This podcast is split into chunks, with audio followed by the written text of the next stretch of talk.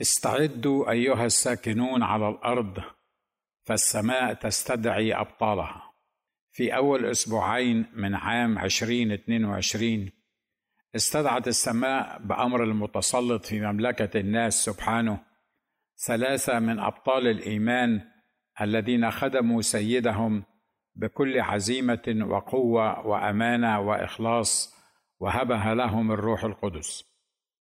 استدعت السماء الأستاذ الدكتور مراد عزيز بدروس وتسوني سونيا زوجة الأب الموقر مكاري يونان. أما الثالث فكان القمص مكاري نفسه. أما عن الأستاذ الدكتور مراد عزيز فلقد كان الزوج المخلص والأب المحب الحكيم رقيق المشاعر الذي يبكي لبكاء طفل صغير. وهو المعلم الموهوب الذي حباه القدير بملكة التدريس والتأثير الايجابي النفسي والروحي وحتى الجسدي على تلامذته من كل الأجناس والأعمار والأديان والخلفيات. تلك الملكة السماوية التي تابعته طيلة حياته سواء في تدريسه في المدارس الثانوية الحكومية أو في الاجتماعات الكنسية والمؤتمرات الدراسية الروحية. وهو أيضا الواعظ البسيط العميق الذي يعيش ما ينادي به ويعظ به الآخرين مقدما نفسه قدوة في كل شيء. وهو الشاعر الذي أحب دراسة الشعر وكتابته وتلاوته. قديمه وحديثه. فكان يتلو الشعر علينا نحن سامعيه عند حديثنا معه في الكثير من الموضوعات التي يتكلم فيها الناس. وهو الرسام الذي استطاع أن يجسد الكثير من الموضوعات بفرشاته وقلمه الرصاص. وهو أيضا الكاتب الذي دعاه القدير للذهاب إلى بيته الأبدي قبل نشر كتابه الأخير الإسلام والكذب الحرام. ليس ذلك فقط بل هو الدارس والمدرس للمشورة المسيحية الكتابية وهو أستاذ علم التلمذة الروحية المسيحية والذي قام بتدريسه للكثير من أولاد وبنات الله في العديد من البلاد في مختلف القارات. كما أنه الحاصل على درجة الدكتوراه في اللاهوت والمرتسم قصا وكارزا وأستاذا بكلية اللاهوت بكنيسة الحصاد الأخير بسان دييغو كاليفورنيا. وهو الكاتب بجريدة الطريق والحق. وفوق الكل بالنسبة لي هو الأخ الحقيقي الذي يقف مع أخيه في كل المواقف الصعبة والصديق المحب من كل قلبه لصديقه والخل الوفي الذي تحلو معه العشرة والجلوس والحديث لساعات طوال. فعندما أراد أخي مراد أن يعبر عن محبته لنا زوجتي وأنا بمناسبة زفافنا قرر أن يقوم بنفسه بتصميم دعوة عرسنا فقام بشراء كمية كبيرة من ورق البرد وقام بالرسم بيديه وكتابة الدعوة بخط يده على كل دعوة. واحدة واحدة وأهدى لنا مئات النسخ لتوزيعها على المدعوين وهو أيضا شريك الخدمة الجندي الصالح والمجند معنا في الخدمة والمقدام والمضحي لأجل الآخرين هو وزوجته السيدة نبيلة توما حيث ضحيا كثيرا وتفانيا في خدمتهما وفتحا قلبيهما وبيتهما للخدمة في اتحاد الشباب المسيحي الذي شرفنا الرب هما وزوجتي وأنا والمهندس رياض غالي والكيميائي إسحاق غالي والسيدة سمية زكي والدكتور ثروت صمويل والسيدة دعاء عياد ومن جاء بعدهم من الكثير من رجال ونساء الله ممن لا يتسع المجال لذكرهم جميعا. شرفنا جميعا بالاشتراك في تأسيس اتحاد الشباب المسيحي وإدارته والاستمرار في التفاني في خدمته.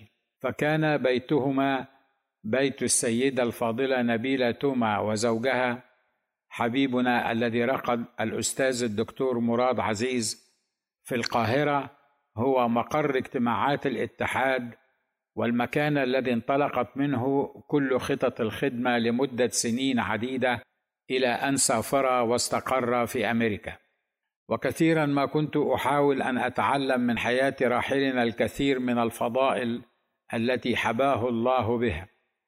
فقد كان يعمل بجد وبصمت يقدم في الخفاء ولا يطبل أو يزمر لعطائه ولا تعرف شماله ما قدمت يمينه من عطاء للخدمة والمخدومين. لدي عشرات القصص التي تؤكد ما أصف به حبيبي الراحل الدكتور مراد لكني سأكتفي بسرد واحدة منها فقط. عندما بدأنا في تأسيس اتحاد الشباب المسيحي اتفقت أنا والإخوة والأخوات المؤسسون معي على ألا نقبل أي مساعدات من أي هيئات أجنبية. وكنا نؤكد لبعضنا البعض أننا مصريون. نخدم الرب في مصر بين المصريين. وأن الإله الذي دعانا للخدمة في مصر هو الذي سيرسل لنا احتياجات الخدمة المادية من المصريين. كنا الأستاذ مراد والمهندس رياض وأنا الأشخاص الثلاثة الذين يعملون في وظائف حكومية. أما بقية الإخوة والأخوات فكانوا لا يزالون في مراحلهم الدراسية. كانت وظائفنا الحكومية تدفع لكل منا جنيهات قليلة كمرتب شهري حكومي. وكان مجموع ما نتقاضاه من وظائفنا نحن الثلاثة لا يزيد عن 110 جنيهات مصرية في الشهر بما فيها بدل طبيعة العمل وحيث أننا كنا نقوم بإرسال مئات الخطابات التي كانت تحتوي على دروس في الكتاب المقدس شهريا للذين يحضرون اجتماعاتنا الكرازية وخاصة أولئك الذين كانوا يقبلون المسيح مخلصا شخصيا لحياتهم بتلك الاجتماعات. لذا فقد كان لزاما علينا أن نقوم بتعيين سكرتيرة للاتحاد لتقوم بهذه المهمة التي لم يكن ممكنا لأحدنا القيام بها نظرا لارتباطنا بأعمالنا الحكومية اليومية. كان مرتب أختنا السكرتيرة يومئذ 13 جنيه في الشهر حيث كان المرتب الشهري للشخص الحاصل على البكالوريوس يومها هو 18 جنيها مصريا فقط لا غير. كنا نحاول مراد ورياض وأنا أن ندخر من مرتباتنا طوال الشهر 13 جنيه لدفع مرتب أختنا السكرتيرة العزيزة التي كانت تخدم الرب معنا بكل جد وأمانة وقناعة غير ناظرة إلى ما كنا نعطيها إياه من مرتب. وبالرغم من قلة هذا المبلغ الذي كنا ندفعه لأختنا العزيزة إلا أننا في كثير من الشهور كان يأتي علينا ميعاد الدفع دون أن نكون قد استطعنا توفير هذا المبلغ. كان الحبيب مراد عزيز هو الوحيد المتزوج فينا وكانت زوجته تعمل بأحد بنوك القاهرة. وقد ربتها والدتها بعد وفاة والدها في سن مبكرة ونشأتها هي وإخوتها على حب العطاء حيث كانت والدتها بالنسبة لنا هي الأم الفاضلة التي تعلمت أنا شخصيا منها الكثير في خدمة السيد. لكن كثيرا ما كان يأتي أول الشهر وميعاد دفع مرتب السكرتيرة وأنا خاوي الأيدي والجيوب. وعندها كان مراد يهمس بأذني وهو يضحك من قلبه ويقول لي ما يهمكش وما تعولش الهم مرتب السكرتيرة الدفع. فأقول له إزاي ومنين؟ مين عطاك فلوس؟ يضحك ويقول لي ربنا بعت يا أخي النهاردة أول الشهر قبضت المرتب ورحت مكتب الاتحاد ودفعت مرتبي كله للسكرتيرة. والباقي هتجيب بيه طوابع بريد لإرسال درس الكتاب. أخي الحبيب لست أدري هل أرثيك أم أبكيك أم أهنئك بسلامة الوصول وشرف تمتعك بلقاء الحبيب يسوع بالعيان. صمت لن أفتح فمي لأنك أنت يا سيدي فعلت.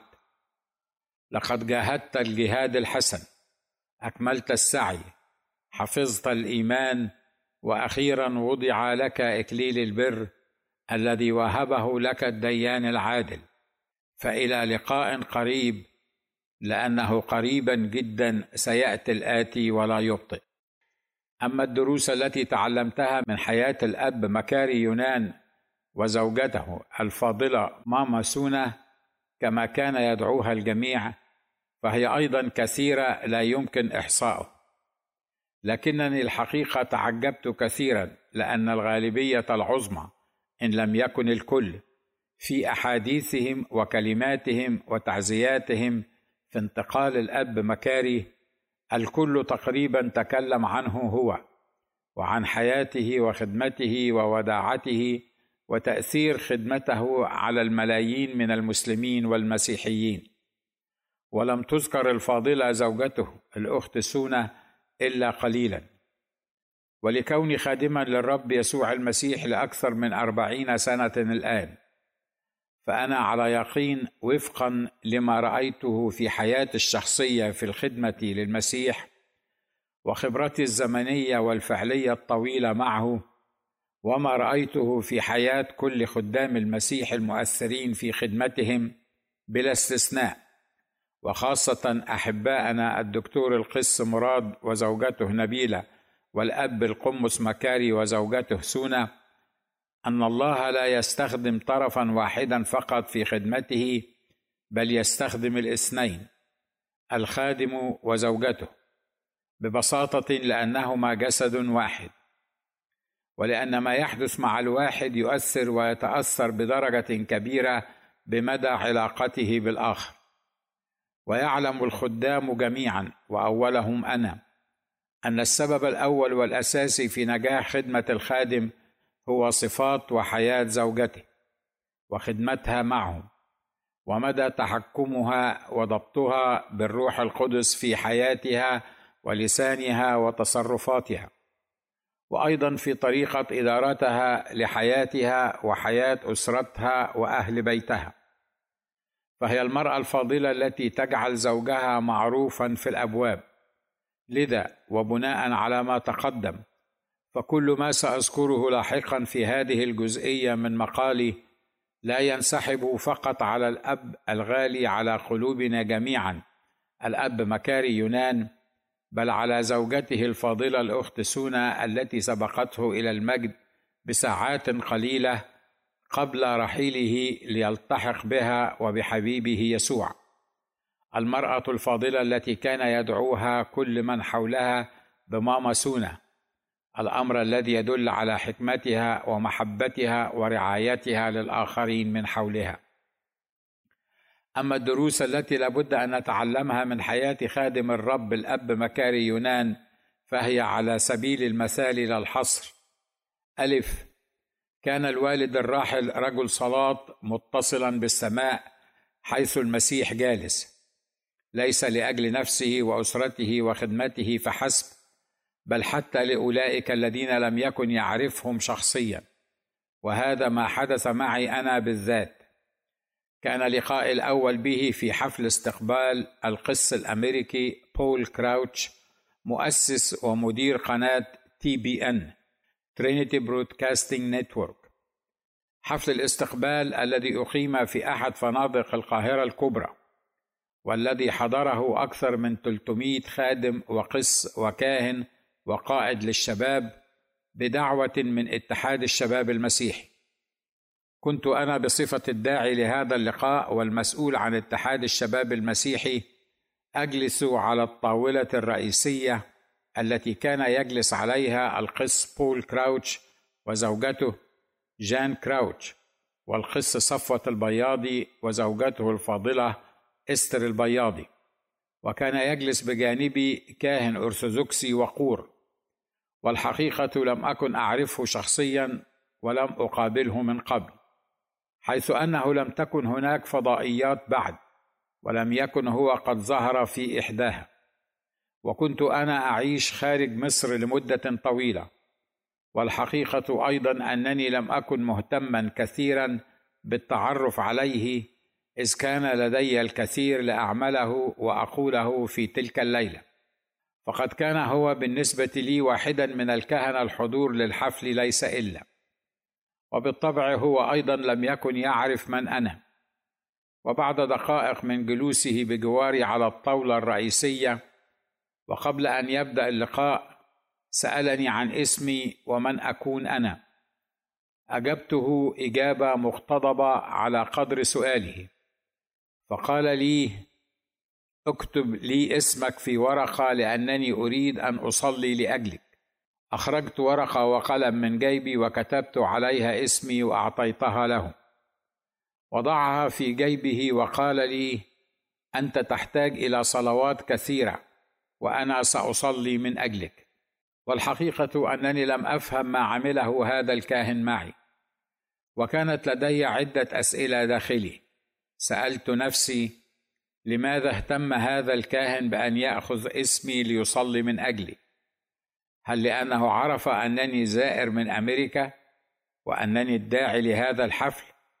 ولذلك اهتم بي وقال لي أنه سيصلي من أجلي لكن إجابتي بيني وبين نفسي كانت أنه لم يسألني أي سؤال عن أمريكا أو أي سؤال عن وضعي وعملي في أمريكا. ولم يطلب مني لا عنواني ولا حتى رقم تليفوني ليتواصل معي بعد انتهاء اللقاء. وبعد أن انتهى اللقاء سألت عنه الأصدقاء فقالوا لي هذا الأب مكاري يونان. وهو واحد من القلائل من الكهنة الذين يستخدمهم الله في الكرازة وعمل المعجزات وهو أيضا رجل صلاه به لم يكن الأب مكاري يونان مصليا حتى لأجل الذين لا يعرفهم ولم يقابلهم من قبل فحسب. بل كان أيضا مشجعا لكل عمل جاد وكان يفرح من قلبه بكل ما يعمل ليمجد المسيح على الأرض. بغض النظر عن خلفية أو عقيدة من يشجعه. فبالرغم من عدم قربه منا بصفة شخصية نحن الذين نصدر جريدة الطريق والحق إلا أنه قام يوما ما بكتابة وإرسال كلمة لتشجيعنا وطلب أن يشترك في الجريدة حتى يحصل عليها بانتظام. وكان هذا بعد أن قرأ أحد أعداد الجريدة. قال الأب مكاري في رسالته لنا بالجريدة ما نصه حصلت بالمصادفه على العدد الأخير من جريدة الطريق. بصراحة حاجة تفرح خاصة تحقيقات إنجيل يهوذا ومقال أكاذيب رواية دافنشي. الرب يبارككم. أريد أن أشترك في الجورنال حتى أحصل عليه بانتظام. القمص مكاري يونان. جيم. الدرس الآخر الذي رسمه قدامنا بكل وضوح وأثبته لنا بطريقة عملية لا تقبل مجال للشك. هو ما قاله الروح القدس بواسطة الرسول بولس لتلميذه تيميثاوس وهو أن جميع الذين يريدون أن يعيشوا بالتقوى في المسيح يسوع يضطهدون ولكن الناس الأشرار المزورين سيتقدمون إلى أردأ مضلين ومضلين. لقد اضطهد الأب مكاري من قيادات كنيسته كثيرا. فمنهم من قال عنه كما قيل عن سيده المسيح والذي أحبه الأب مكاري بكل قلبه أنه ببعل زبول يخرج الشياطين.